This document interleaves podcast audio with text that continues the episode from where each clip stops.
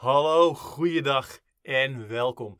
Jij hoort de sirene, ik hoor de sirene. Het is weer die dag. Het is de eerste maandag van mei en ik ben hier om jou te bevrijden van jouw onoverkomelijke verslaving aan pseudo-praktische, vol radicale politieke podcasts.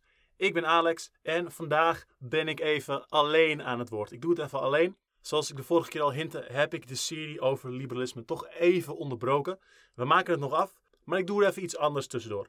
Dan zie je het als een soort extra adempauze tussen alle chaos.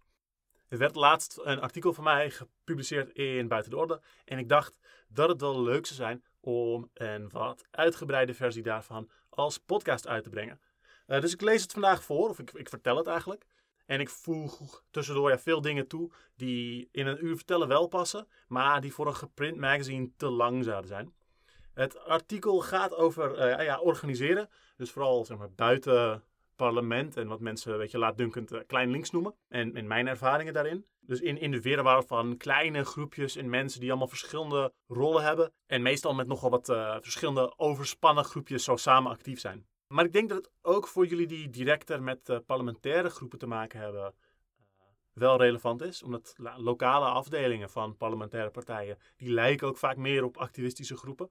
En die hebben ook veel met dat soort groepen te maken. En dat zijn vaak ook groepen die hun onafhankelijkheid op prijs stellen en een beetje op, op horizontale basis met anderen om zich heen willen samenwerken. Wat ik hier doe is eigenlijk, ik, ik reageer op een aantal dingen die ik tegenkom in hoe mensen organiseren en hoe ze met hun tijd en hun project en hun werk en met hun eigen welzijn omgaan. Een aantal van die dingen komen misschien ook nog wel terug aan het einde van onze reeks over uh, liberalisme. En een aantal van de dingen die ik noem zijn meer soort van structurele ja, eigenschappen, symptomen van onze tijd. Uh, andere gaan meer over hoe we organiseren uh, en onze eigen houding tegenover het politiek werk en hoe we daar naar kijken. Dat ik dit zo zeg, betekent niet dat het het enige wat er is om te zeggen. Of dat ik zelf perfect uitvoer wat ik voorschrijf. Ik vind het soms heel moeilijke dingen, maar ik denk dat het wel de moeite waard is. ik wil even een disclaimer geven, zoals ik soms doe. Omdat een paar van de dingen die ik ga zeggen misschien ofwel wat basic lijken, of juist heel hard tegen groepen die er net, net wat anders in zitten. Van de dingen die zo heel, heel basic zijn, dan lijkt het soms alsof het niet de moeite waard is om het te benoemen. Alsof iedereen het wel zou weten. Maar ik, denk dat die dingen uh, vaak eigenlijk niet zo duidelijk zijn als ze lijken. En dat mensen ook in de praktijk zeg maar, veel verschillende dingen uh, naast elkaar vinden. En dus hoewel je iets vindt over één onderwerp, het op een ander onderwerp helemaal niet toepast, terwijl het daar misschien eigenlijk wel bij hoort. Ik doe zelf bijvoorbeeld eigenlijk best wel vaak dingen waarvan ik eigenlijk vind dat ik het niet zou moeten. Of waarvan ik ooit besloten heb dat ik eigenlijk niet zo mijn tijd wil besteden. Uh, en dat af en toe herhalen helpt dan gewoon. Een andere hoop van mij is dat artikelen, zoals deze, dat die de gesprekken tussen uh, radicale, linkse, uh, meer op het hoe en wat kunnen richten. In plaats van onze eeuwige waaroms. De praktijk is naar mijn idee veel, veel politieker dan veel van de grote ideeën waar we toch niet zo bij kunnen op dit moment. Maar we zijn soms zo weinig gewend om het erover te hebben, dat als iemand erover begint, het gesprek vaak dood lijkt te vallen. Misschien, misschien is het onwennig, misschien voelt het, um, als je het over praktische dingen hebt, alsof je meteen alles moet doen, omdat alles belangrijk is. Misschien missen we de woordenschat om het over dit soort dingen te hebben. Dingen als de structuur van organisaties en de structuur van uh, onze interacties. Maar ik hoop dus na dat soort gesprekken uh, toe te kunnen bouwen en daar hiermee iets, bij te dragen. Um, dus ja, ik ben Alex. Dit is Onderstroom. Eerst de jingle, dan naar het artikel.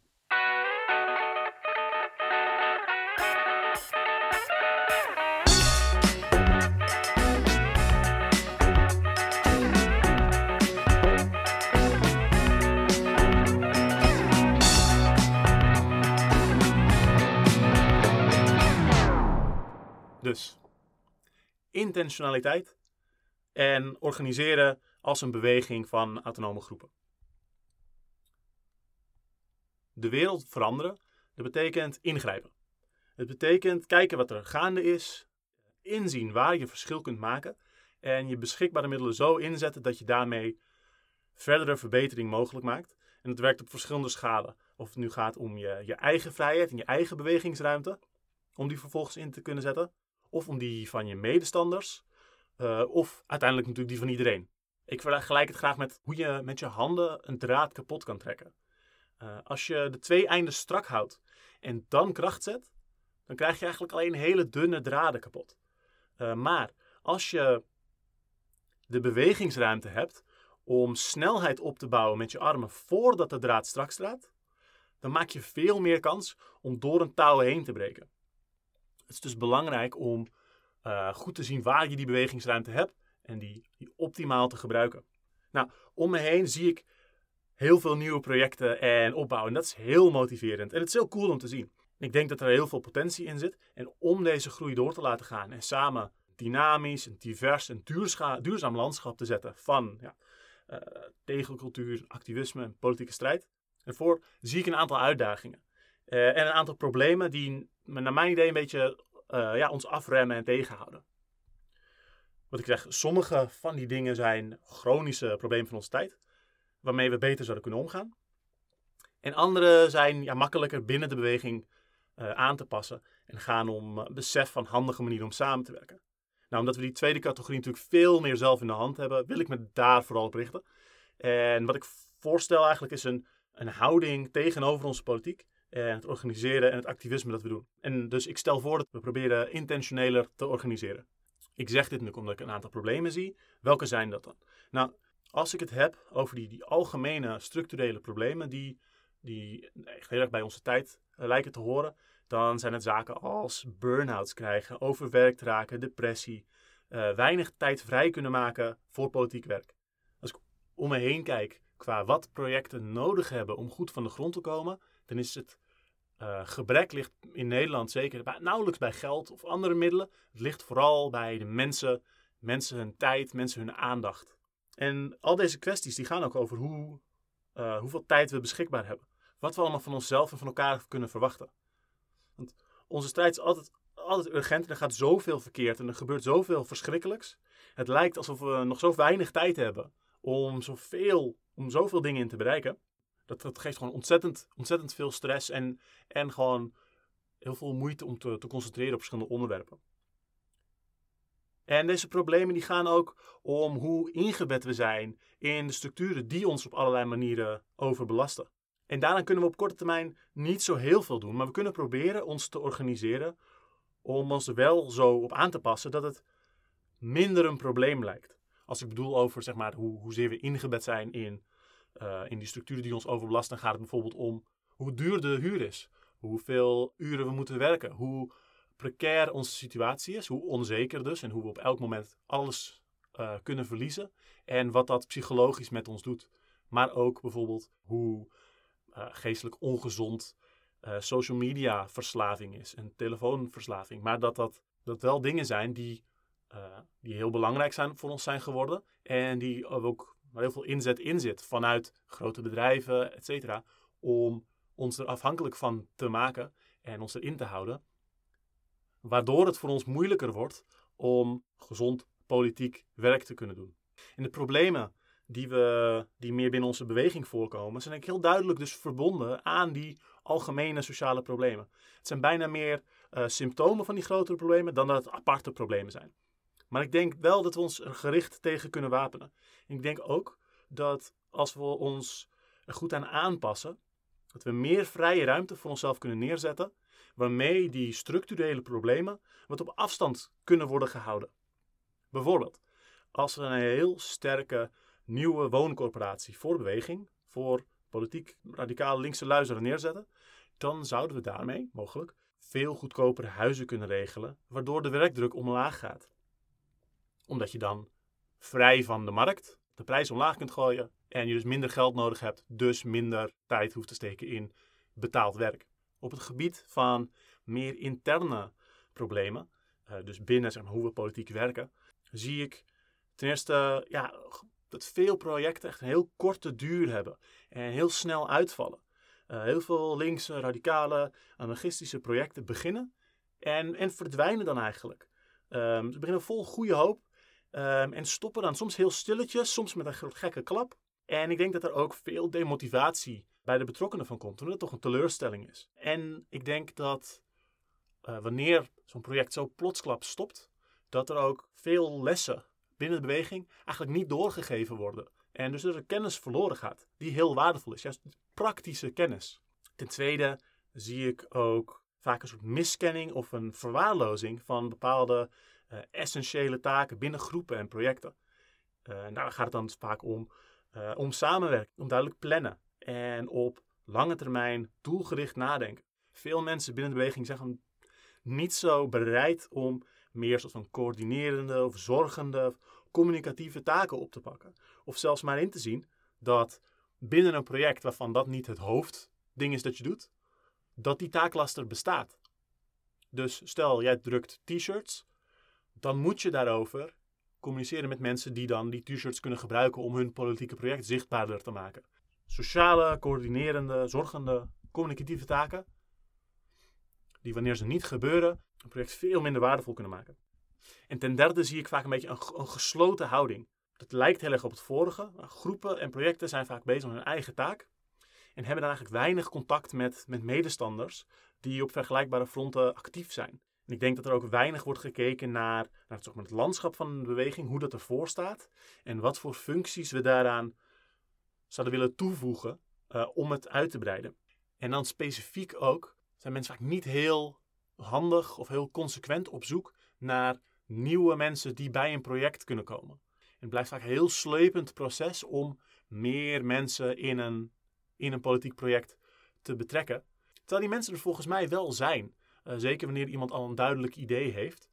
Uh, dan is het vaak makkelijker op in te stappen dan om zelf met een nieuw iets te komen. Uh, dus dan denk ik dat het heel, heel zonde is. Um, wanneer dat soort contactdagen eigenlijk een beetje onder het tapijt geschoven worden. En daardoor blijven ook veel, veel activisten blijven dan ook overwerkt. Omdat ze niet de tijd maken om uh, samen met mensen die bijvoorbeeld een groter netwerk hebben, uh, nieuwe medestanders te zoeken. Blijft hun, hun overwerkte situatie zitten en, en komen ze dus echt in de, in de problemen qua richting, richting activisten, burn-outs, et. En ik denk dus dat door deze problemen, door die uitval en die geslotenheid en de, het niet genoeg onderkennen van die soort van zachte taken, dat weinig maar, organiseerders en, en activisten hun vaardigheden goed kunnen doorontwikkelen. En dat we te weinig leren van de mensen die voor ons komen. Ik denk dat uh, veel projecten gewoon naast elkaar bestaan zonder heel duidelijke onderlinge ondersteuning. En dat mensen elkaar niet zo heel productief opzoeken. En, en dat ze ook binnen binnen zeg maar, het netwerk niet heel, heel, heel snel bekend staan als een, een medestander waarop je echt kunt bouwen. En daarmee bedoel ik dat als we elkaars projecten niet zien als maar een, een stuk van het meubilair, een duidelijk aanwezig ding waarop wij kunnen doorbouwen, dan lijkt het alsof we allemaal vanaf de grond moeten beginnen. Als jij iets ambitieuzers wil opzetten dan een lokale actiegroep, uh, bijvoorbeeld een groter mediaproject, dan wil je kunnen samenwerken met andere groepen die zoiets kunnen helpen draaiende te houden. Stel, het is een mediaproject, een, een alternatieve tv-omroep, ik noem maar iets. Dan wil je uh, stabiel toegang kunnen hebben tot een, tot een studio die de juiste middelen heeft en daar consequent bereikbaar in is, zodat je niet opeens over moet naar een andere studio of dat je niet duidelijke afspraken kunt maken over wanneer je dat kunt gebruiken. Je wil daarin stabiliteit kunnen hebben. En je wil dat men, er mensen zijn die dan jouw programma's uh, kunnen, dat die dan programma's kunnen maken voor, voor die omroep. En dat zij dat ook stabiel doen, dat als je daar een afspraak over maakt, dat het niet opeens uh, wegvalt. Um, dat is natuurlijk een ideaal beeld. Die dingen zijn heel moeilijk en uh, vrijwel iedereen is natuurlijk een, bezig als vrijwilliger. maar ik denk dat er manieren zijn waarop we die, die stabiliteit en de mate waarin we op elkaar kunnen bouwen, kunnen vergroten. Want er zijn ook projecten ook die door vrijwilligers gedaan worden, waar het wel degelijk lukt. Sommige projecten die, die staan als een huis en die worden daarom ontzettend waardevolle zeg maar, ankers van zeg maar, politieke, linkse en libertaire bewegingen. En ik denk dat we ons erop maar zouden moeten richten om, om vaker zo'n soort rol neer te zetten. En ik denk dat een deel daarvan uh, is om dat we veel explicieter moeten zijn, veel bewuster bezig moeten zijn met wat we wat we proberen te organiseren, wat we proberen neer te zetten, wat voor tijd we daarin kunnen steken um, en daarom uh, ook opener en wat, wat harder kunnen zijn en wat we wel en niet kunnen oppakken. Dus ja, goed, spoiler. In het kort is een, een deel van mijn advies: less is more. Ik denk dat we voor veel groepen eigenlijk pessimistischer moeten zijn met inschatten wat voor verschillende dingen we allemaal kunnen doen. Veel behoudender moeten inschatten wat, de, wat voor tijd er beschikbaar is. Uh, veel pessimistischer over hoeveel tijd iets gaat kosten. En dat veel toegewijde activisten eigenlijk, of nou, veel van hen waarschijnlijk, zouden moeten proberen om uh, minder verschillende projecten te doen. Zodat ze meer tijd overhouden voor die extra taken die toch overal stiekem nog bij komen kijken. En ik denk dat er ook dan meer rust ontstaat, waarin je bent met afstand kunt kijken waarmee je als groep nou bezig bent.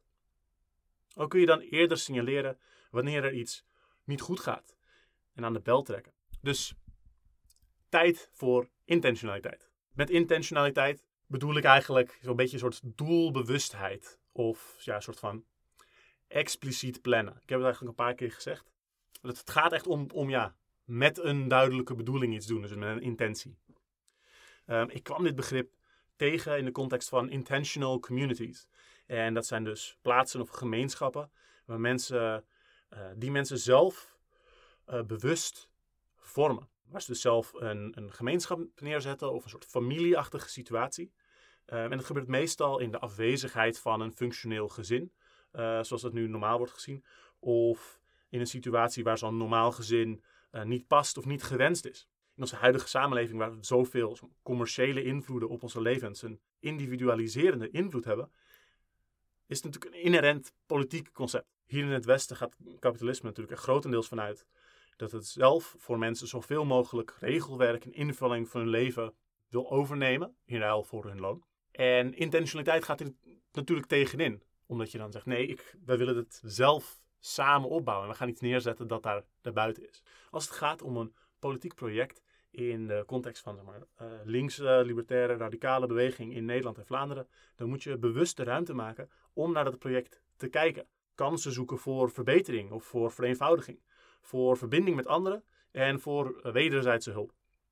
En daarnaast is het belangrijk om te bekijken hoe het project in de levens van de betrokkenen staat. Hoeveel tijd ze erin kunnen steken, hoe ze, hoe ze daaronder gedijen. Weet je, hoe varen ze er wel bij? Wanneer is voor welke deelnemer de, de maximale inzet bereikt? Um, en wil je dat eigenlijk wel? Wil je wel een maximale zetten of juist, of juist minder? En het gaat dan dus ook vaak om een aantal taken die we meestal niet direct herkennen. Dat zijn taken die we vaak niet eens op een actielijst zetten. Uh, als je iets organiseert, dan wordt dat, wordt dat vaak een beetje vanuitgegaan dat het zomaar gebeurt. Dat zijn dingen als de mensen nog een keer extra benaderen om naar een vergadering, een actie, een evenement te komen. Het gaat om achteraf de ruimte opruimen. Om onderling navragen hoe het, hoe het gaat met die dingen die zouden, zouden gebeuren. Volgende week is namelijk de, moet dat ding af zijn. Lukt, lukt dat bij jou wel? Of, of, zit er, zit er, zijn er hobbels op de weg? Het aan elkaar voorstellen van mensen die iets van elkaar nodig hebben, maar elkaar nog niet direct kennen. Al, al dat soort werk. Maar ja, naar, naar mijn inschatting valt hieronder ook het zeg maar, voortdurend contact opnemen met buitenstaanders. En je relatie met zeg maar, verwante groepen verbeteren. Maar algemene intervisie en een soort van zelfreflectie uh, is, is ook heel waardevol. En iets waarvan je eigenlijk ja, dus zou willen dat je er bewust, bewust ruimte voor maakt. En ik denk dus dat het daarbij heel belangrijk is om te kijken wat, jou, wat jouw groep voor rol heeft in, in die bredere beweging. Hoe je je verhoudt tot welke groepen daaromheen. Wat voor soort band je daarvoor zou, met ze zou willen hebben. En om daar dus ook iets van tijd in te steken. Niet te veel, maar wel, wel iets. En dat, dat bewust aan te houden. En dus ook ervoor op te passen dat als het te veel is, als je constant in allemaal gekke coalitievergaderingen zit, die eigenlijk niks opleveren en tijd kost, dat je dan dus ziet van, oh, dat is eigenlijk veel te veel. Daar moeten we vanaf en willen op een andere manier die relatie vasthouden. Bijvoorbeeld. En daarom zou ik eigenlijk een soort stelregel willen, willen voorstellen. Als je bij je projecten geen tijd hebt om kritisch en open om je heen te kijken, dan doe je te veel. Of dan ben je met te weinig mensen. Of is er iets anders waarover je moet nadenken in je manier van organiseren. Als je niet de tijd hebt om gewoon rustig om je heen te kijken, zou ik dat echt als een signaal geven dat er, dat er iets eigenlijk niet goed is. En dat kan zijn dat het dan toevallig een moment is waar het waar er echt een soort, soort, soort crisisding is en dat over een maand wel kalmeert. Maar dan moet het wel echt kalmeren. Anders is er structureel, zou ik zeggen, iets dat niet in de haak is. Intentionaliteit in de beweging. Ik zei in de introductie van nou, misschien lijkt dit allemaal super basic en niet iets waarmee je, uh, waarover je, zeg maar, iets dat iedereen wel zou snappen of zo. Want het, het, klinkt ook heel erg bezig van nou, als je een project gaat opzetten, hoe, hoe, hoe werkt dat dan? En heb je wel hou je wel rekening met hoe je je verhoudt tot de andere personen in dat terrein? Maar vaak denk ik dat we een, een houding hebben ten aanzien van, van politiek waarbij we, waarbij we het niet zo pragmatisch bekijken. En waardoor dit soort dingen daardoor eigenlijk niet, niet echt zo gebeuren. Of dat we zo organiseren dat bepaalde vaardigheden heel duidelijk heel erg ontwikkeld zijn. En bepaalde andere vaardigheden, vooral vaak juist die communicatieve en sociale vaardigheden, dat die er een beetje, beetje buiten de boot vallen. Er zijn een aantal soort van terreinen en thema's waar ik denk dat, dat soort meer intentioneel handelen gewoon best wel wat kan schelen. Ik ga een aantal voorbeelden noemen van situaties waarin ik denk dat die geschetste problemen voorkomen. En, en ik, wil, ik wil daarbij benadrukken dat dat helemaal niet afdoet aan het politieke werk dat die groepen doen. Maar dat ik juist wil wijzen op hoe, hoeveel meer impact ze zouden kunnen hebben. Hoeveel meer ze zouden kunnen bijdragen. En hoeveel meer anderen aan hen zouden kunnen bijdragen. Naar mijn idee. Als ze, als ze iets meer die intentionaliteit mee zouden nemen. Ehm, en ik ben heel benieuwd wat, wat mensen daar ook van vinden. Weet je, laat, laat me ook weten. Ik hoor het graag. Ja, dus het doet niets af aan, wat, aan het politieke werk wat deze groepen doen. Maar ik wil juist wijzen op, op een aantal kwetsbaarheden. Of terreinen waar ik denk dat er veel te winnen valt. En dat er iets van, zelfs iets van, van laaghangend fruit is. Dat ze kunnen plukken om het voor iedereen beter te maken. Een sterkere beweging neer te zetten. En het is ook juist omdat ik die projecten zo waardevol vind. Dat ik denk dat het zonde is dat er naar mijn gevoel daar een, een, een tekortkoming is. In die, die taken die verwaarloosd worden. Een, een van de terreinen waar ik dan over heb, uh, is bijvoorbeeld de, de kraakbeweging. Er bestaat een kraakbeweging, het is niet zo heel groot meer op dit moment. Maar die, die draagt ontzettend veel bij aan allerlei zeg maar, progressieve en linkse bewegingen. En daarbinnen helpen mensen elkaar met infrastructuur, met acties, met onderlinge steun. Er staan plekken waar je krakers kunt bereiken, waar je eventueel uh, zeg maar, kunt aansluiten en dingen kunt doen. Er zijn spreekuren, autonome baravonden. in veel opzichten is de kraakbeweging intern echt een prachtig voorbeeld van elkaar actief helpen. Van durven naar elkaar toe te stappen, dingen uit te wisselen. Zeggen, hé, ik wil graag dit ding. Ja hoor, kun je dat, kan ik dat gebruiken? Perfect. Zonder dat het heel veel gedoe kost en dat je elkaar direct heel praktische steun kan geven. Maar waar ik denk dat er iets, iets mist, is een, een, zeg maar, consequent, duidelijke bewegwijzering om die beweging in te komen. En dan is echt doorlopende outreach die ook zo bazaal mogelijk uitlegt waarom, uh, waarom kraken goed is. En, en hoe je daar terecht kan. En wat het toevoegt aan de rest van de beweging. Waarom zijn er bijvoorbeeld niet grote, stabiele, op kraken gerichte meme-pagina's of stickers? Of waarom, zijn er niet kleine groepjes die mensen, mensen flyeren? Zeg maar, dat, dat is wel eens geweest, maar er is bij mijn weten niet een consequent project dat dit aan het uitdragen is. En daar heb je helemaal niet heel veel mensen voor nodig.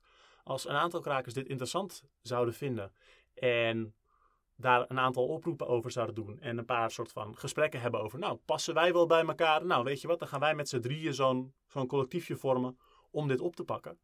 Dan, dan kunnen die ontzettend veel bereiken, omdat de rest van zeg maar, de kraakbeweging hen man dan makkelijk zou ondersteunen als dat soort van consistente initiatief er zou staan. Ik, heb, ik geloof dat zo.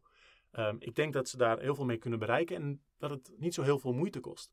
Maar op die manier zo'n project neerzetten, um, dat, dat, blijkt, dat blijkt gewoon heel moeilijk. Of men, mensen richten zich daar niet zo heel erg op. En ik denk dat dat dus een, een gemis is. En dus het feit dat dat soort projecten niet, niet opkomen, dat er niet de, de, de gesprekken zijn die tot zo'n conclusie leiden, waardoor dat soort dingen ontstaan, daardoor zie ik dat er zeg maar, een, een probleem is in. Dat is denk ik iets waarin ze tekort komen. Iets vergelijkbaars uh, geldt naar mijn mening voor politieke IT'ers. Er zijn heel veel programmeurs en systeemadministratoren en andere van heel bekwame eh, IT-professionals die zeg maar, in linkse beweging uh, actief zijn. Maar waarom zijn de meeste initiatieven rondom cybersecurity dan toch best wel ontoegankelijk voor buitenstaanders? En best wel, best wel complex. ik denk dat veel van zeg maar, politieke IT heel erg met elkaar praat over wat zeg maar, de goede cybersecurity is en uh, welke software daarvoor handig is, et cetera. En ik denk dat er heel erg een beweging is van mensen die wel daar het belang van zien, maar er eigenlijk niet zelf zoveel van weten. En juist zeg maar een collectief dat heel erg gericht is op die verbinding zeg, leggen. Op heel erg hapklare, soort van voor dummies-achtige informatie geven naar mensen die, uh, die daar wel iets mee willen, maar gewoon geen eigen, zeg maar, voor wie computers niet de hobby zijn en daar gewoon niets van weten en dat, compleet, en dat moeilijk vinden. Uh, dat er niet een politieke IT-groep is die juist zich heel erg op die communicatie richt. Ik denk dat dat een heel erg gemis is. En ik denk dat zoiets een heel waardevolle toevoeging zou zijn, die twee stukken van de beweging verbindt, die nu eigenlijk vaak niet zo heel erg lekker samengaan. Ik denk dat als we intentioneler bezig zijn, gaan kijken van oké, hoe staan we in de beweging? Waar, waar zeg maar, ligt, valt er een gat? Dan kunnen we dit soort problemen gaan oplossen. Dan kunnen we groepen gaan vormen die uh, verantwoordelijkheid nemen voor een bepaalde functie die mist. Um, zodat we, ondanks dat we met allerlei verschillende onafhankelijke groepen werken, dat we toch samen heel sterk een, een heel sterke beweging kunnen neerzetten. Er zijn net als bij kraakspreekuren, zijn er ook voor de politieke IT, zijn er spreekuren.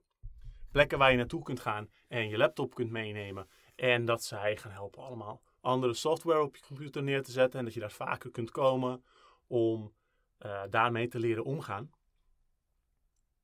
Maar dat is, dat is al best wel een investering. Dat is al best wel een investering. Maar het is, het is compleet iets anders dan dat je bijvoorbeeld hebt. Nou, weet je wat? Dat is een wekelijkse. Dus een pagina die wekelijks iets van een leuk plaatje post. Die daarbij iets schrijft over iets dat je in vijf minuten kunt doen. Om je, om je veiligheid iets te vergroten. En dat er dan af en toe een wat groter dingetje is. Of dat ze je iets leren over een concept. En dat er dan na een maand dan op basis van een aantal dingen die gezegd is, een iets groter dingetje mee is. Of een, een ingang naar net een iets, iets complexer iets complexer ding, zodat de mensen die dat ook snappen, dat die een stapje verder ermee kunnen gaan. Zeg maar, de, waar, is de front office, waar is de user experience en de outreach kant van de politieke IT? Nou, die voorbeelden zijn misschien dan um, een beetje hard. En wat ik zeg, het is helemaal niet om af te doen aan de waarde van die projecten, maar juist om uh, aan te wijzen uh, waar, waar ik denk dat er een aantal verbeteringen zouden kunnen zijn. En ook om ja, zeg maar, te laten zien wat voor, om, om, een, om een voorbeeld te geven van die houding uh, waarmee je dat soort, dat soort lacunes kunt gaan vullen. En wederom ook wat voor soort, wat voor soort taken er vaak missen. En dit, dit zijn dus zeg maar, heel, heel specifieke uh, voorbeelden die, ook, zeg maar, die we associëren ook met een, uh, weet ik veel, een soort type persoon waarover een duidelijk een, een, stereotype bestaat, dan wel een IT'er of een kraker. Um, maar ik denk dat het in veel meer projecten ook, ook voorkomt. Er zijn bijvoorbeeld reguliere bladen die niet gewoon flyers en stickers hebben, waardoor als je het niet al leest, je er eigenlijk niet echt tegenaan loopt. Of die heel erg um, een, een papieren blad zijn zonder duidelijke online tegenhanger. Of een actiegroep die allerlei mensen probeert uh, te helpen, maar dat niet doet op een manier uh, die daadwerkelijk meer betrokkenen bij de actiegroep krijgt. Um, waardoor mensen die erbij betrokken zijn eigenlijk na een tijdje gewoon steeds moeier worden. Vooral een soort, soort liefdadige dienst doen richting mensen waarmee ze eigenlijk niet kunnen organiseren. En dat is heel mooi dat ze dat doen, maar als het gaat om uh, samen iets willen neerzetten, iets willen opbouwen en de, de kostbare middelen en tijd, de bewegingsruimte die wij hebben, gebruiken, dan is het eigenlijk niet, denk ik, de optimale manier. En is het iets dat ons niet verder helpt te groeien, waardoor het op lange termijn weinig neerzet. Er zijn echt tal van ja, groepen en projecten waar activisten tot over een oor in de taaklas zitten. En waarin eigenlijk niet zo duidelijk is hoe die groepen nou eigenlijk bezig zijn om uh, ja, zeg maar, nieuwe mensen aan te trekken om hun werk gemakkelijker te maken. Andere groepen en projecten beginnen vol goede moed, maar hebben geen duidelijk plan en zonder duidelijke inschatting van het werk dat nodig is uh, om te doen wat ze willen zodat ze het niet, niet echt consequent kunnen volhouden. Dat is op zich wel een, al een probleem, want zo branden we onze kameraden op. En dat is gewoon niet hoe we met elkaar om willen gaan. En ook nog ontzettend zonde. Maar het zorgt er ook voor dat allerlei andere taken die de projecten kunnen laten groeien ehm, of de werklast kunnen verlagen, dat die niet worden opgepakt. En ik denk dat we als organiseerders en als activisten uh, veel te waardevol zijn om zo zorgeloos, zo lichtzinnig om te gaan met onze tijd, uh, met onze middelen, met elkaar en met onszelf. Nou, waarop ik hier reageer. Naast dat ik een aantal dingen zie gebeuren in het organiseren, hoor ik ook dingen in gesprekken. En heb ik gesprekken met mensen die ik deels ook samenvat, soort van, die ook dit, dit artikel informeren. Iedereen die zeg maar, samen met ons actief is in de linkse radicale beweging, milieubeweging, et cetera. Ehm, en die actief bijdraagt, eh, dat is gewoon super vet dat ze dat doen. het is ontzettend eh, bijzonder en het is ontzettend waardevol. En het, uh, het is een heel groot ding dat zij hun tijd vrijwillig in ons politieke werk willen steken.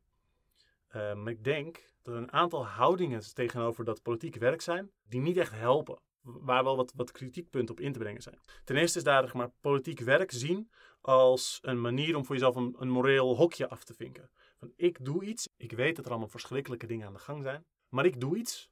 Kijk hier, ik ben actief in dit ding, dus ik vink het af en ik uh, ben daarmee een van de goeie. En dat is en dat geeft mij een geestesrust, want ik doe tenminste iets. Ik ben een van, de mensen, een van de mensen die tenminste iets doet.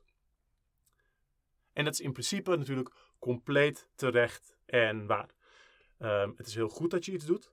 En uh, dat je laat zien dat je, dat je het belangrijk vindt en dat je iets bijdraagt. En dat je daar ook daadwerkelijk tijd in steekt. Dat is allemaal heel goed. Maar wat, waar ik een probleem zie, is dat het er niet om gaat uh, wie bij de goede hoort. Um, en het gaat er niet om of uh, iemand zomaar een soort genoegdoening heeft qua, qua dat zij tenminste niet het echt er slechter hebben gemaakt. Um, uiteindelijk willen we er naartoe om een aantal dingen fundamenteel te veranderen. En daarvoor moeten we blijvende, langdurige, groeiende structuren opzetten. En daarvoor is het niet goed om gewoon een deel van onze tijd op te geven als een soort moreel offer aan onze politieke overtuiging. Het is belangrijk dat we de middelen die we beschikbaar kunnen maken, de beweegruimte die we hebben, dat we die zo slim mogelijk gebruiken om verder te komen. En dat, dus dat als we niet zien hoe iets ons verder brengt, uh, dat we soms misschien beter onze krachten kunnen sparen. En ik denk soms dat dit soort houding ook uit een soort gulheid komt. Of een gevoel uh, van in je kracht staan. We zijn met gelijkgezinde mensen en die willen het beste voor iedereen. Dus als we doordat we georganiseerd zijn in een soort groepje, dan voelen we dat we, dat we samen iets van kracht hebben, dat we iets gedaan kunnen krijgen. En dan is het heel logisch om dat meteen zeg maar, te willen weggeven om anderen te helpen. Want, want wij zijn de goeie, toch? Uh, en er zijn, er zijn zoveel dingen, zoveel crisissen die binnenkomen dat het moeilijk is om nee te zeggen. Dus het heeft soms al een, een soort lading van, van vrijgevigheid, van liefdadigheid. Ik wil niemands project soort van raar wegzetten, maar ik denk dat er soms te weinig een doelbewuste houding is. En dat we te weinig gericht zijn op onze kracht uit te breiden. En te veel gericht zijn op wat we hebben meteen door te geven. En dan dus ook vaak op een manier die iets weggeeft van, uh, van liefdadigheid. Wat eigenlijk niet goed is. Ik kom ook tegen dat, uh, dat, een soort, dat het wel een, een, afkeer is tegen nadenken over je eigen leven als iets dat politiek uh, uitmaakt. Een soort afkeer van gericht kijken naar hoe iets een verschil kan maken. Het is een beetje moeilijk onder woorden te brengen, maar ik denk dat iets dat het deels te maken heeft met een soort alles of niets blik uh, die mensen hebben over of ze wel goed bezig zijn of niet. Dat, weer dat morele hokje afvinken. Er zijn allemaal gewoon maar mensen die iets proberen. Maar veel mensen zijn, denk ik, perfectionisten. Waarvan als je het gesprek openbreekt over wat precies de zin is van wat ze doen, dat er dan eigenlijk niets meer is dat goed genoeg kan zijn. En dat je daarom dan hebt van, nou, dan gaan we het er helemaal niet over hebben. Ik doe gewoon iets en dat telt. Misschien is het ook een kwestie van onttovering.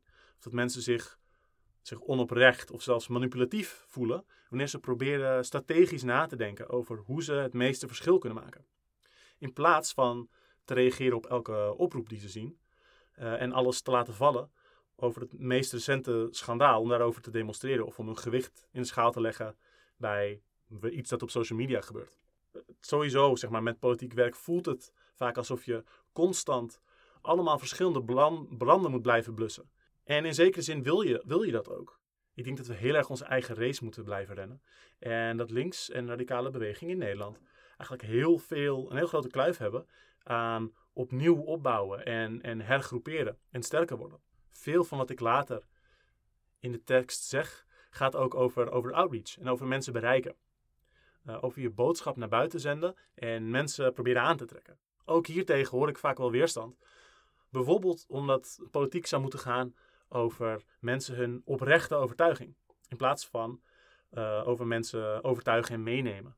We zitten zo in een wereld vol manipulatieve reclame. Waarin iedereen je voor van alles loopt te ronselen. Maar dat gebeurt, voor een groot deel, gebeurt dat omdat het werkt. Omdat ja, mensen erg in verbinding staan met hun sociale omgeving. En als je die dus kunt vormen, dan vorm je ook de mensen. Um, dus daar moeten we iets mee. We moeten, daar, we moeten daarmee concurreren op een of andere manier. Dus wat zou ik aanraden? Mijn advies is eigenlijk bijna gewoon de omkering van mijn waarschuwing. Um, en ik ben benieuwd wat jullie daarvan vinden. Dus ik zou zeggen, maak consequent de ruimte om te kijken naar wat je groep of je project doet. Wat die probeert te bereiken en of dat een handige manier is om er te komen. En probeer hierbij absoluut niet uh, filosofisch of ideologisch bezig te zijn. Dat soort gesprekken hebben we al veel te veel. Dit gaat over uh, de dingen die jullie doen, wanneer jullie ze doen, hoe dat gaat en hoe het beter of makkelijker of leuker kan. Ook gaat het erom of wat je doet wel de handigste manier is om het doel te bereiken dat jullie gesteld hebben.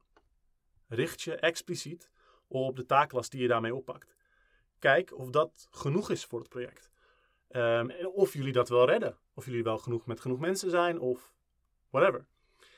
En ga ervan uit dat alles langer duurt dan je denkt. Probeer ook bewust zeg maar, de sociale, de coördinerende, de overhead taken mee te rekenen. Iemand moet mensen bellen om naar de actie of naar het evenement te komen. Iemand moet de actiepunten een beetje bijlopen en nalopen. Iemand moet contact onderhouden met relevante groepen enzovoort. Hoeveel tijd kun jij per week aan zoiets besteden? Welke middag hou je daarvoor vrij? Hoe gaat dat na een maand? Was dat te veel of voel je je er goed bij? Red je het wel of zou je het op een andere manier kunnen? En als je te weinig tijd hebt, probeer dan om dingen te vereenvoudigen of meer mensen aan te trekken, om de dingen handiger te doen of om minder dingen te doen. Als je taken eigenlijk wel te doen lijken, of zelfs een beetje weinig, dan is het denk ik vaak beter. Omdat je de tijd hebt om een extra touch aan te geven, om je, je creativiteit erop los te laten, omdat je die ademruimte hebt. En als er dan wel iets misgaat, of er is een gekke crisis, dan heb je een buffer en wat energie mogelijk om mee te spelen. Vrije tijd is gewoon ontzettend waardevol en behulpzaam daarvoor. En als je het moeilijk vindt, probeer er dan ook hulp bij te zoeken. Wie, wie heeft er meer toegang tot wat jullie nodig hebben? Wie heeft vaardigheden die jullie missen? En hoe kunnen jullie dat vinden, dat leren, et cetera? En dus die, die outreach. Zorg dat je vindbaar bent. Dat mensen buiten je groep en buiten je vaste publiek ook soms van je horen en dingen van je zien. En je kunt die outreach zelf doen als deel van het project. Um, of je kunt proberen goede banden te hebben met groepen die sowieso proactieve outreach doen, zodat dat via die, die kant gaat. Maar probeer het soort van ergens in het plan te hebben. En praat ook met zulke groepen over hoe jullie kunnen samenwerken, zodat je die outreach misschien niet zelf hoeft te doen. Um, en wat zij dan van jullie nodig hebben om dat handig te laten verlopen. Dat zij er ook blij mee zijn dat ze je op die manier kunnen helpen. Als je een cool, praktisch of theoretisch ding doet, whatever, bedenk dan ook hoe het bij die mensen terechtkomt. Want als je er heel veel tijd in steekt om een bepaald ding neer te zetten, dan verdient het eigenlijk altijd ook een stukje tijd om te zorgen dat het zeg maar, verzilverd wordt. Dat het bij de mensen terechtkomt. Dat het mooie artikel dat het ook gelezen wordt. Dat als jij een, een t-shirt drukapparaat hebt, dat het ook gebruikt wordt door mensen. Um, omdat ze ervan weten. Onderhoud banden met relevante groepen. Dat hoeven er niet heel veel te zijn, maar wees aanwezig. Vraag ze hoe het gaat. Waar, vraag ze waarmee ze bezig zijn. En heb het er zelf over.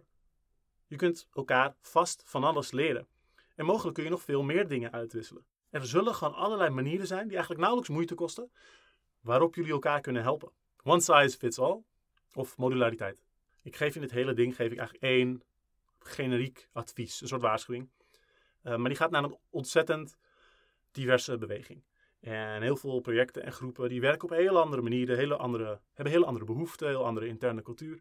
En sommige groepen of projecten, sommige groepen of projecten zijn bijvoorbeeld heel strak samenwerkende actiegroepen. Die, die, die staan bijvoorbeeld heel snel klaar om hun praktische houding over wat ze doen compleet om te gooien op basis van de nieuwste informatie. Zodat ze bij de volgende crisis in het nieuws nog beter ergens op kunnen inspelen. De anderen probeerden juist een heel laagdrempelig en rustgevend, ondersteunend thuis te zijn voor uh, medestanders, zodat die kunnen bijkomen en reflecteren uh, en dat, zodat ze in een sympathieke ruimte kunnen ontspannen. Dit is zeg maar een schets van een tegenstelling, maar beide groepen zijn natuurlijk ontzettend waardevol. Dus hebben die verschillende groepen dan iets aan hetzelfde advies? Ik zou zeggen van wel. Ik denk dat ongeacht de aard van je project of groep, het belangrijk is om intentioneel bezig te zijn. Um, en die intentionaliteit die gaat er ook om om je eigen groep, je eigen groepsdynamiek te erkennen. En dat optimaal te gebruiken, zodat de beweging verder komt. En wanneer er binnen de groep oneenigheid is over hoe jullie te werk gaan of wat jullie proberen, dan komt dat in een gesprek daarover ook aan het licht. Dus daardoor kunnen frustraties over onuitgesproken verwachtingen kunnen worden opgelost. Uh, en kunnen groepen zich in relatie tot elkaar verder specialiseren. Groepen die elkaar kennen en die begrijpen hoe ze onderling verschillen, kunnen op een meer empathische manier uh, samenwerken. En die kunnen dus op vertrouwen dat als ik meer dit ding ga doen, dat jij meer dat andere ding doet. En dat we dus in relatie tot elkaar eigenlijk verder kunnen specialiseren. Ze kunnen dan van hun verschillen beter ook hun kracht maken. Um, bijvoorbeeld de meest rustige, soort van ontspannen schaakclub voor activisten kan een locatie zijn waar je allerlei weet ik veel, propagandamateriaal kunt uitwisselen. Of waar mensen iets te horen krijgen over wat er verder in de beweging bezig is. En juist ook als jij de meest energieke activist bent, dan is het fijn om ook een laagdrempelige, rustige ruimte te hebben buiten je eigen project. Waar je nog wel zeg maar, binnen de beweging bezig bent, maar dat je met mensen die met andere dingen bezig zijn kunt kijken van, oh, hoe gaat het nou bij jullie? Of, oh ja, jullie herkennen dit probleem ook. Ja, wat, wat fijn dat ik dat even kwijt kan bij iemand die niet in hetzelfde project zit als ik. En zo kun je van elkaar van alles leren zonder dat er allemaal druk op staat. Ik ben zelf in bijna alles waar ik qua politiek bezig ben, uh, meer gericht op een soort, soort slow burn. Ik ben heel gericht op opbouw en helemaal niet heel erg op zeg maar, actie. Maar daarmee probeerde ik juist wel van alles te doen of neer te zetten. Dat mensen die dat wel hebben, die juist heel erg op actie gericht zijn en allemaal spontaan allemaal dingen neerzetten, uh, die veel confronterender zijn van stijl dan ik, om hen juist te ondersteunen en waar mogelijk meer kracht te geven. En ik denk dat dat, dat ook een tegenstelling is die je veel tegenkomt. Um, en dat dat juist twee takken zijn die nog veel beter kunnen leren hoe ze elkaar kunnen versterken. En dat als dat lukt, dat we dan een heel eind zijn uh, met zeg maar, het heropbouwen van een sterke beweging in Nederland. Bovendien, zoals ik al eerder zei, organisaties die organiseren natuurlijk activiteiten en niet mensen. Als het persoonlijke politiek is, en dat is het, dan is het goed om politiek relevante ruimtes te hebben waar je persoonlijk terecht kan. Dus waar je kunt ontspannen op een manier die bij je waarde past, waar je met mensen kan praten die vergelijkbare ervaringen en waarden hebben, zonder dat je direct met mensen te maken hebt die in hetzelfde project zitten.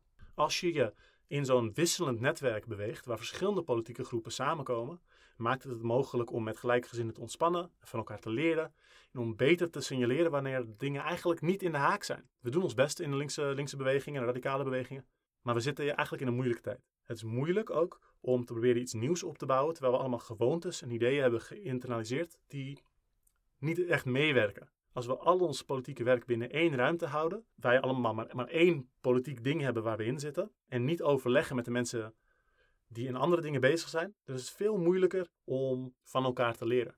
En wat je eigenlijk wil, een soort gezond roddelcircuit van hoor en wederhoor. Van shop talk. Hoe gaat het nou bij jullie? Dit ding, gebeurt dat bij jullie ook? Ben ik nou gek of is dat toch een beetje raar? En ik denk dat het ook in kwesties van grensoverschrijdend gedrag en tegenkomen van zo'n perverse gewoontes die overal voorkomen, dat het ook iets van veiligheid kan geven. Bovendien hebben ook groepen die sterk van elkaar verschillen één ding gemeen. En dat is een mate van, van autonomie en van zelfbeschikking. En dat is dan ook de eigenschap waardoor ze zich in wisselende samenstelling kunnen groeperen om specifieke soorten strijd te voeren. Nou, als je, of je dat nou, um, die autonomie nou als een politieke waarde heel belangrijk vindt, of dat je gewoon om je heen kijkt en ziet dat we in een situatie zitten waar er heel veel verschillende onafhankelijke groepen staan, het maakt eigenlijk niet uit. We moeten er, mee, we moeten er iets mee doen dat dat het geval is. En als we dus met allemaal verschillende onafhankelijke groepen werken, dan moet die groep dus, dan moet elke groep wel de ruimte maken om zich te oriënteren op wat er om zich heen gebeurt. Uh, en om te beseffen dat de output van die groep niet een enige taak is. Autonome groepen hebben altijd uh, cognitieve en sociale soort van overheadkosten. Ze moeten hun relaties onderhouden, ze moeten mensen bereiken, ze moeten vindbaar zijn. Ze moeten versterking zoeken, uh, ze moeten samen kunnen werken met andere groepen wanneer ze iets groters willen neerzetten. En daar kunnen andere groepen bij helpen, maar ze hebben er altijd zelf een deel aan. Nou, dit leidt me tot een begrip dat heet modulariteit. En misschien ben je dat wel eens ergens tegengekomen. Bijvoorbeeld, uh, er was wel eens zo'n zo'n idee dat er ooit een soort blokphone zou komen. Dat je een soort, uh, soort moederbordachtig ding hebt, een soort Lego-blokjes. En dat je daar verschillende camera's in kan klikken.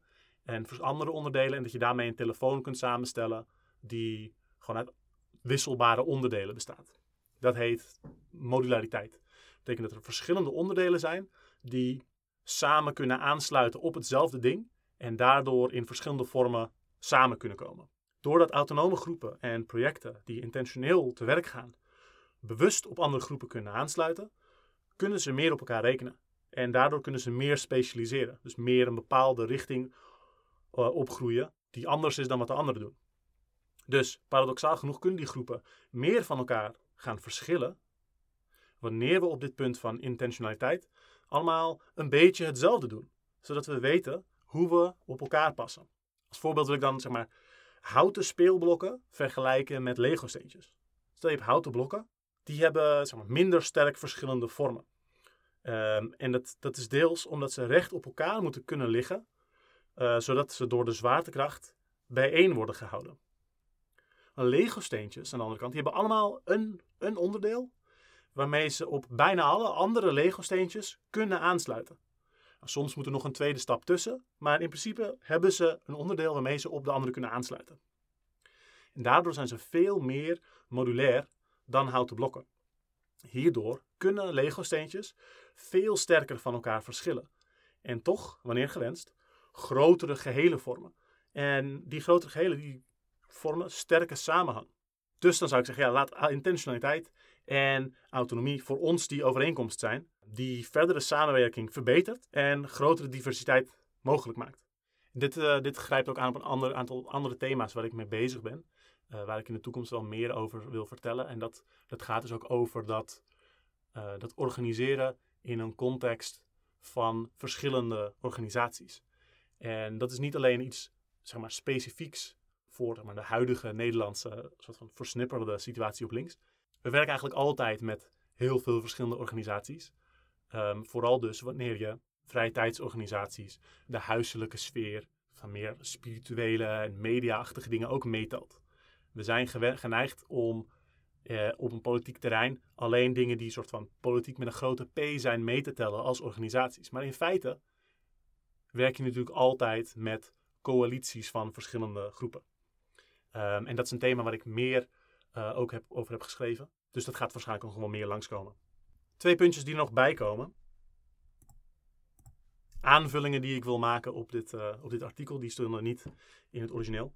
Eentje over zelfzorg. Nou, ik kom vaak met, uh, met nieuwe termen, maar ik heb het begrip intentionaliteit dus vanuit ideeën over intentional communities. Dus over mensen die zelf hun familie of hun woongroep, hun buurt, hun dorp of een ander soort gemeenschap voor zichzelf kiezen of bewust opbouwen omdat ze er zelf geen hebben. Of omdat ze degene die ze door spontaan toeval kregen, die voor hen niet werkt. dat kan om allerlei redenen zijn.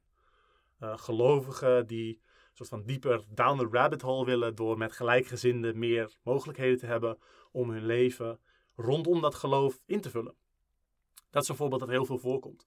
Um, je zou kunnen zeggen dat kloosters eigenlijk wel een soort intentional community zijn daarvoor. Maar het komt natuurlijk ook voor in allerlei andere contexten, waar mensen zelf kiezen hoe ze hun leven in willen richten op basis van een bepaalde bedoeling die ze er hebben.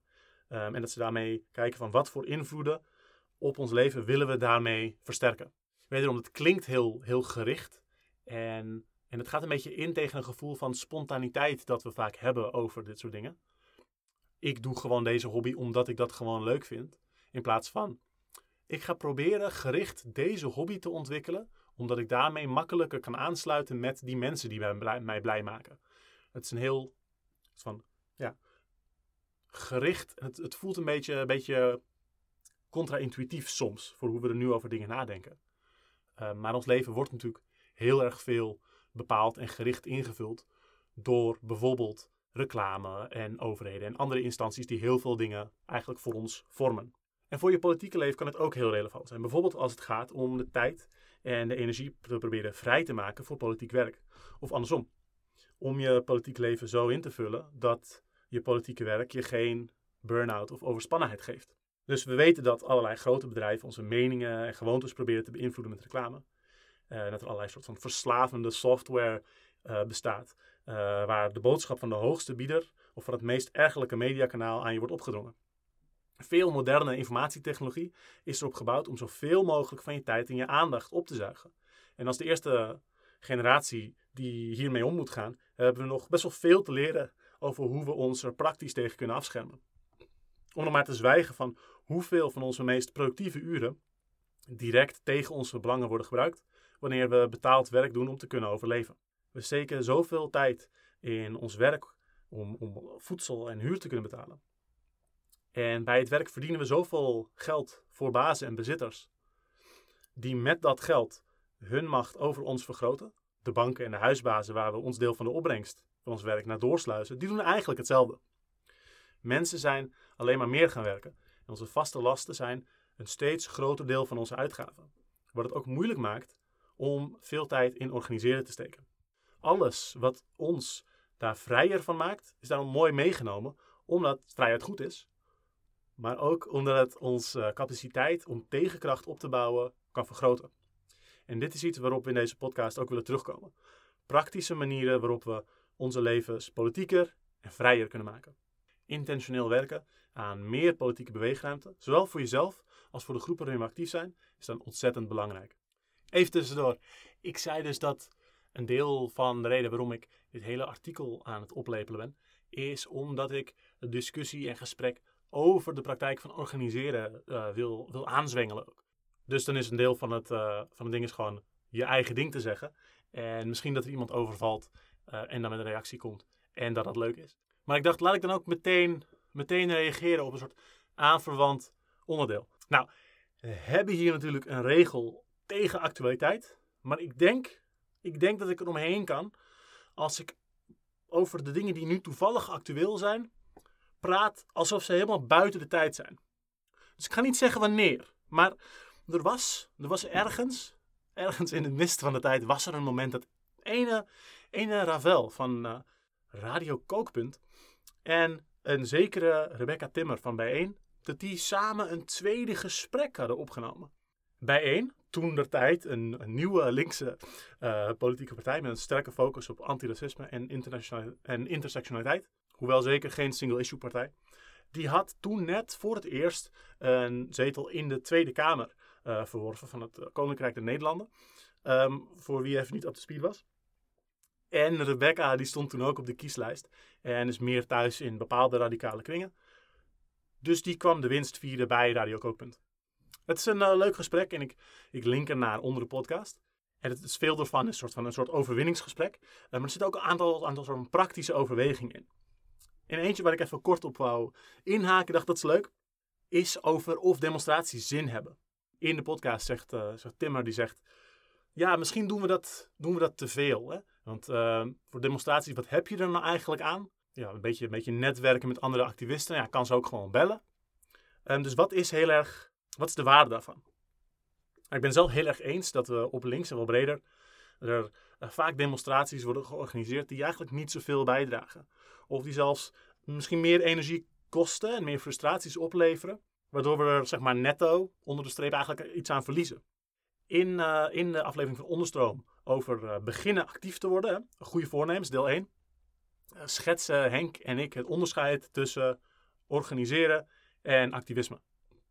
En daarmee wou ik het even over demonstreren hebben. Dus organiseren is alles waarmee je je basis uitbouwt. uitbouwt. Waarmee je meer kracht opbouwt, waarmee je nieuwe mensen betrekt of activeert, je vaardigheden opzet. Nou, als het een bordspel is, dan is organiseren het ding waarmee je meer kansen krijgt om te winnen. Het ding dat je meer, meer kracht geeft die je kunt inzetten om punten te behalen. Activisme is alles waarmee je winsten probeert binnen te halen. Dus je zet de kracht die je kunt opbouwen in om iets te behalen. Bijvoorbeeld als je wil dat een woud niet gekapt wordt, Uh, dat er ergens gas niet wordt weggepompt. Dat een slechte wet uh, niet wordt doorgedrukt. Dat je een gunstiger CAO, CAO voor elkaar krijgt. Of iets anders. En die twee sluiten elkaar dus ook helemaal niet uit. En ze overlappen zelfs heel vaak. Plus, er zijn ook heel veel andere facetten van politiek werk. Zoals, weet ik veel, bewustzijn creëren. Uh, met Overton window verschuiven. Um, directe actie, etc. Dus waar valt een demonstratie? Een demonstratie kan, denk ik, één van beide zijn. Of allebei. Of geen van beide. Ik noem dit stuk ook uh, in een aflevering over intentionaliteit. Omdat het belangrijk is om te bedenken wat een demonstratie zou moeten bereiken als je zoiets neerzet. En als je een bepaald doel wil bereiken, is een demonstratie dan wel het juiste middel. Zijn er niet makkelijkere of effectievere middelen om dat doel te bereiken? Ik denk dat we vaak uit gewoonte naar de vorm van de demonstratie grijpen, zonder te bedenken of het het beste middel is. Dus wanneer, wanneer is een demonstratie organiseren? Ik denk uiteindelijk dat de meeste demonstraties eigenlijk organiserend bedoeld zijn. Ook een grote demonstratie bereikt meestal niet waar het voor is. En het is vaak ook gericht op een algemene waarde of een thema. Tegen het racisme zijn, uh, voor de solidariteit van de werkende klasse, uit woede, verdriet, verontwaardiging, ongeloof over oorlogsmisdaden, noem maar op. Demonstratie is meer bedoeld om te laten zien dat veel mensen iets vinden, zodat die mensen elkaar tegenkomen en zien dat er een grote groep is die het met ze eens is. Idealiter is dit een moment dat de aanwezigen soort sociaal bindt. Dat een emotionele ontlading geeft, mensen moed en energie meegeeft en hen later dan ook actief maakt. Dus eerlijk gezegd gaan veel demonstraties eigenlijk om de mensen die meedoen. En dit erkennen is denk ik heel belangrijk. Want als je wil organiseren door middel van een demonstratie, dan moet je je dus richten op wat voor emotionele en sociale situatie je op die dag en daarna wil gaan neerzetten. Een demonstratie organiseren geeft een gevoel van urgentie over een thema, waardoor uh, mensen die misschien niet naar een vergadering of een discussieavond zouden komen, of naar een feestje, wel daar ook komen. En zich daar dan meer betrokken gaan voelen, waardoor ze later misschien wel naar die andere dingen zouden komen. Als ze op die demonstratie zijn, maken ze misschien een praatje met iemand, of gaan ze misschien um, iemand nog een drankje nadoen die er dieper in zit, of schrijven ze zich in voor iets waarvoor ze later makkelijker weer te betrekken zijn. Een demonstratie kan het besef geven dat je met meer bent, dat je samen krachtig bent, um, dat de groep samen iets indrukwekkends kan neerzetten. Samen lopen en roepen en zingen, dit zijn klassieke manieren om mensen te helpen een sterker groepsgevoel neer te zetten. En een demonstratie kan dus helpen op die manier om een groep energie te geven. Om als een soort oplaadpunt te tellen van de mensen die zich met een bepaalde groep of een bepaald thema identificeren. Of het kan nieuwe mensen naar binnen halen. Nou, als dat eerste het doel was, um, dus dat, dat enerveren van de mensen die komen, probeer daar dan ook bewust aan te denken. Te kijken hoe de demonstratie dat meer kan doen. Bijvoorbeeld, uh, zorg dat er mensen daadwerkelijk praatjes gaan houden met die verschillende mensen. Of dat, er, uh, dat de demonstratie zodanig interactief is op een manier die aanspreekt bij de mensen die er komen, dat je die een beetje die emotionele ontlading kunt krijgen. Probeer te zorgen dat zij het gevoel hebben dat ze echt iets aan het doen zijn. Zeker zeg maar, tijdens de coronapandemie uh, waren er minder lopende demonstraties en meer manifestaties. En sommige daarvan, die, die hadden voor veel mensen een veel meer soort e-, enerverende ervaring. Terwijl andere um, manifestaties veel statischer en passiever voelden. En veel meer alsof je gewoon er was om te laten zien dat je het belangrijk vindt. Maar zonder dat je je er heel erg betrokken bij voelt. En dat is heel jammer. Um, omdat je heel erg de motivatie die mensen al hebt, of die je met heel veel moeite kunt, kunt activeren, die gebruik je, die besteed je voor die manifestatie. Als het daar dan mee klaar is, als mensen daar niet meer energie weer uit gaan halen, dus dat eigenlijk heel jammer. En als je doel wel is om nieuwe mensen naar binnen te halen na die demonstratie, bedenk dan wie. Uh, bedenk dan hoe je die mensen kunt bereiken en hoe je ze wil uitnodigen. En wanneer ze op die demonstratie zijn, dan heb je weer datzelfde van hiervoor. Van hoe kan die demonstratie hen dan ook in hun kracht zetten of hen echt activeren? Hoe zorg je dat die mensen op een bepaalde manier, uh, als ze dat willen, betrokken blijven bij je beweging? Hoe kunnen ze aansluiten? Spreken ze wel iemand? Leren ze wel een beetje elkaar kennen? Hebben ze wel echt het gevoel dat ze daar samen iets doen? Dit is ook een plek waar zeg maar, ook samenwerking tussen verschillende groepen heel waardevol kan zijn. Dat bijvoorbeeld een aantal groepen samen zo'n demonstratie neerzetten. En dat andere groepen die bijvoorbeeld pas net beginnen of zo, worden uitgenodigd en heel duidelijk verwelkomd worden om te kunnen werven. Om, om in de demonstratie nieuwe mensen te leren kennen, uh, zodat die groepen ook kunnen groeien. Of juist dat zij kunnen helpen om de, de, de algemene organisatie, die zelf niet de, de mensen heeft, om uit al die mensen zeg maar, zich welkom te laten voelen, dat andere groepjes die rol deels opnemen. Gulheid onderling kan daarin heel erg, heel erg waardevol zijn. Nou, wanneer is een demonstratie dan activisme? een demonstratie, zou ik zeggen, is activisme wanneer je een duidelijk een soort van haalbaar plan hebt van wat je wil bereiken en dat je je erop instelt om ermee door te gaan totdat je het bereikt hebt. Alle demonstraties gericht op een verandering van een soort van landelijk overheidsbeleid, waarvoor mensen een enkele dag een vreedzaam rondje lopen zonder uitzicht op een volgende demonstratie of andere stappen waar de demonstratie indirect aan bijdraagt, die zijn niet oprecht bedoeld om iets te winnen of iets af te dwingen, zou ik zeggen. Voordat demonstraties iets kunnen bereiken, worden ze meestal ofwel tegengehouden of ingeperkt of gestopt. En moeten demonstraties, ondanks repressie, aanhouden voordat ze iets kunnen afdwingen. Als het gaat om iets behalen bij bedrijven of, of misschien gemeentes of zo, is er soms meer succes. Uh, veel bedrijven willen namelijk geen slechte naam krijgen. Dus als mensen tegen een bedrijf demonstreren, vanwege iets dat het doet, dan kan het een bedrijf uh, soms wat gemakkelijker laten inbinden. Maar dat is natuurlijk wel afhankelijk van hoe groot het bedrijf is en hoe proactief de overheid het wil verdedigen, etc.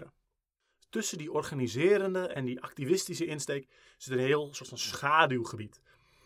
Waar het op stoom raken van een campagne veel mensen kan aantrekken, waarvan er later misschien meer lui blijven hangen, waardoor de volgende campagne groter kan zijn. Dus dat activisme en organiseren heel erg elkaar ook versterkt. Maar soms is een demonstratie misschien eigenlijk geen van beide.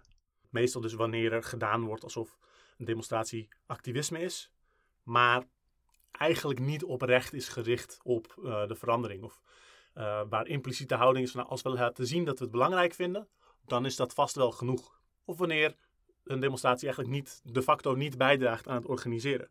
Uh, wanneer het geen nieuwe mensen aantrekt, de aanwezigen niet echt energie geeft om samen door te gaan um, of nieuwe dingen op te pakken. Um, en dat betekent niet dat het niet goed is om solidariteit met een thema te tonen of aan te kaarten dat iets speelt. Maar ik zou het dan niet uh, in dit schema passen. Dus dat even daarover. Ik ben benieuwd, ben benieuwd wat, jullie, uh, wat jullie ideeën daarover zijn. Ja, het is best wel, best wel lang geworden al met al. Ik had verwacht dat het eigenlijk een kortere aflevering zou zijn. Maar ik heb toch nog best wel wat extra haken en ogen aan het artikel toegevoegd. En het was eigenlijk, het was eigenlijk al vrij lang. Um, ik hoop dat je het toch leuk vond. En ja, laat me weten uh, wat je hiervan vindt. Laat me weten um, wat je ook vindt van de, van de insteek.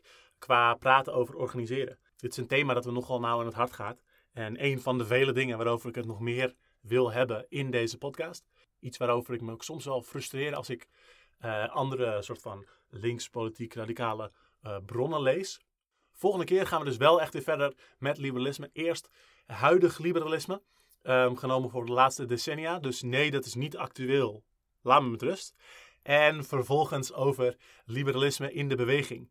De spannende aflevering. Voel je aangesproken allemaal? Voel je allemaal ontzettend aangesproken? Ik hoor heel graag wat jullie vinden. Mail me op alex.onderstroom.red. Luister je dit op YouTube? Laat dan alsjeblieft een comment achter. Subscribe, volg mijn kanaal. Doe zo die duim omhoog. Het helpt mij allemaal om gevonden te worden. Um, ik moet toch ooit een keer populairder gaan worden dan Jordan Peterson. Um, hetzelfde geldt voor Spotify, Apple Music. Als je een recensie achterlaat, het schijnt mij ontzettend te helpen. Ik kan het niet zien, maar ik geloof zo dat het waar is. Als je op Indie Media mijn, uh, mijn ding tegenkomt, Ga alsjeblieft gewoon comments achterlaten in de YouTube. Misschien dat een van die, van die trolls op Indie Media erachteraan komt en mij heel veel gratis blootstelling geeft door negatieve reacties te plaatsen. Dat waren weer heel fijne maand. Tot de volgende sirene. Tot de volgende keer. Dit was Onderstroom. Ik ben Alex. En een hele fijne avond weer.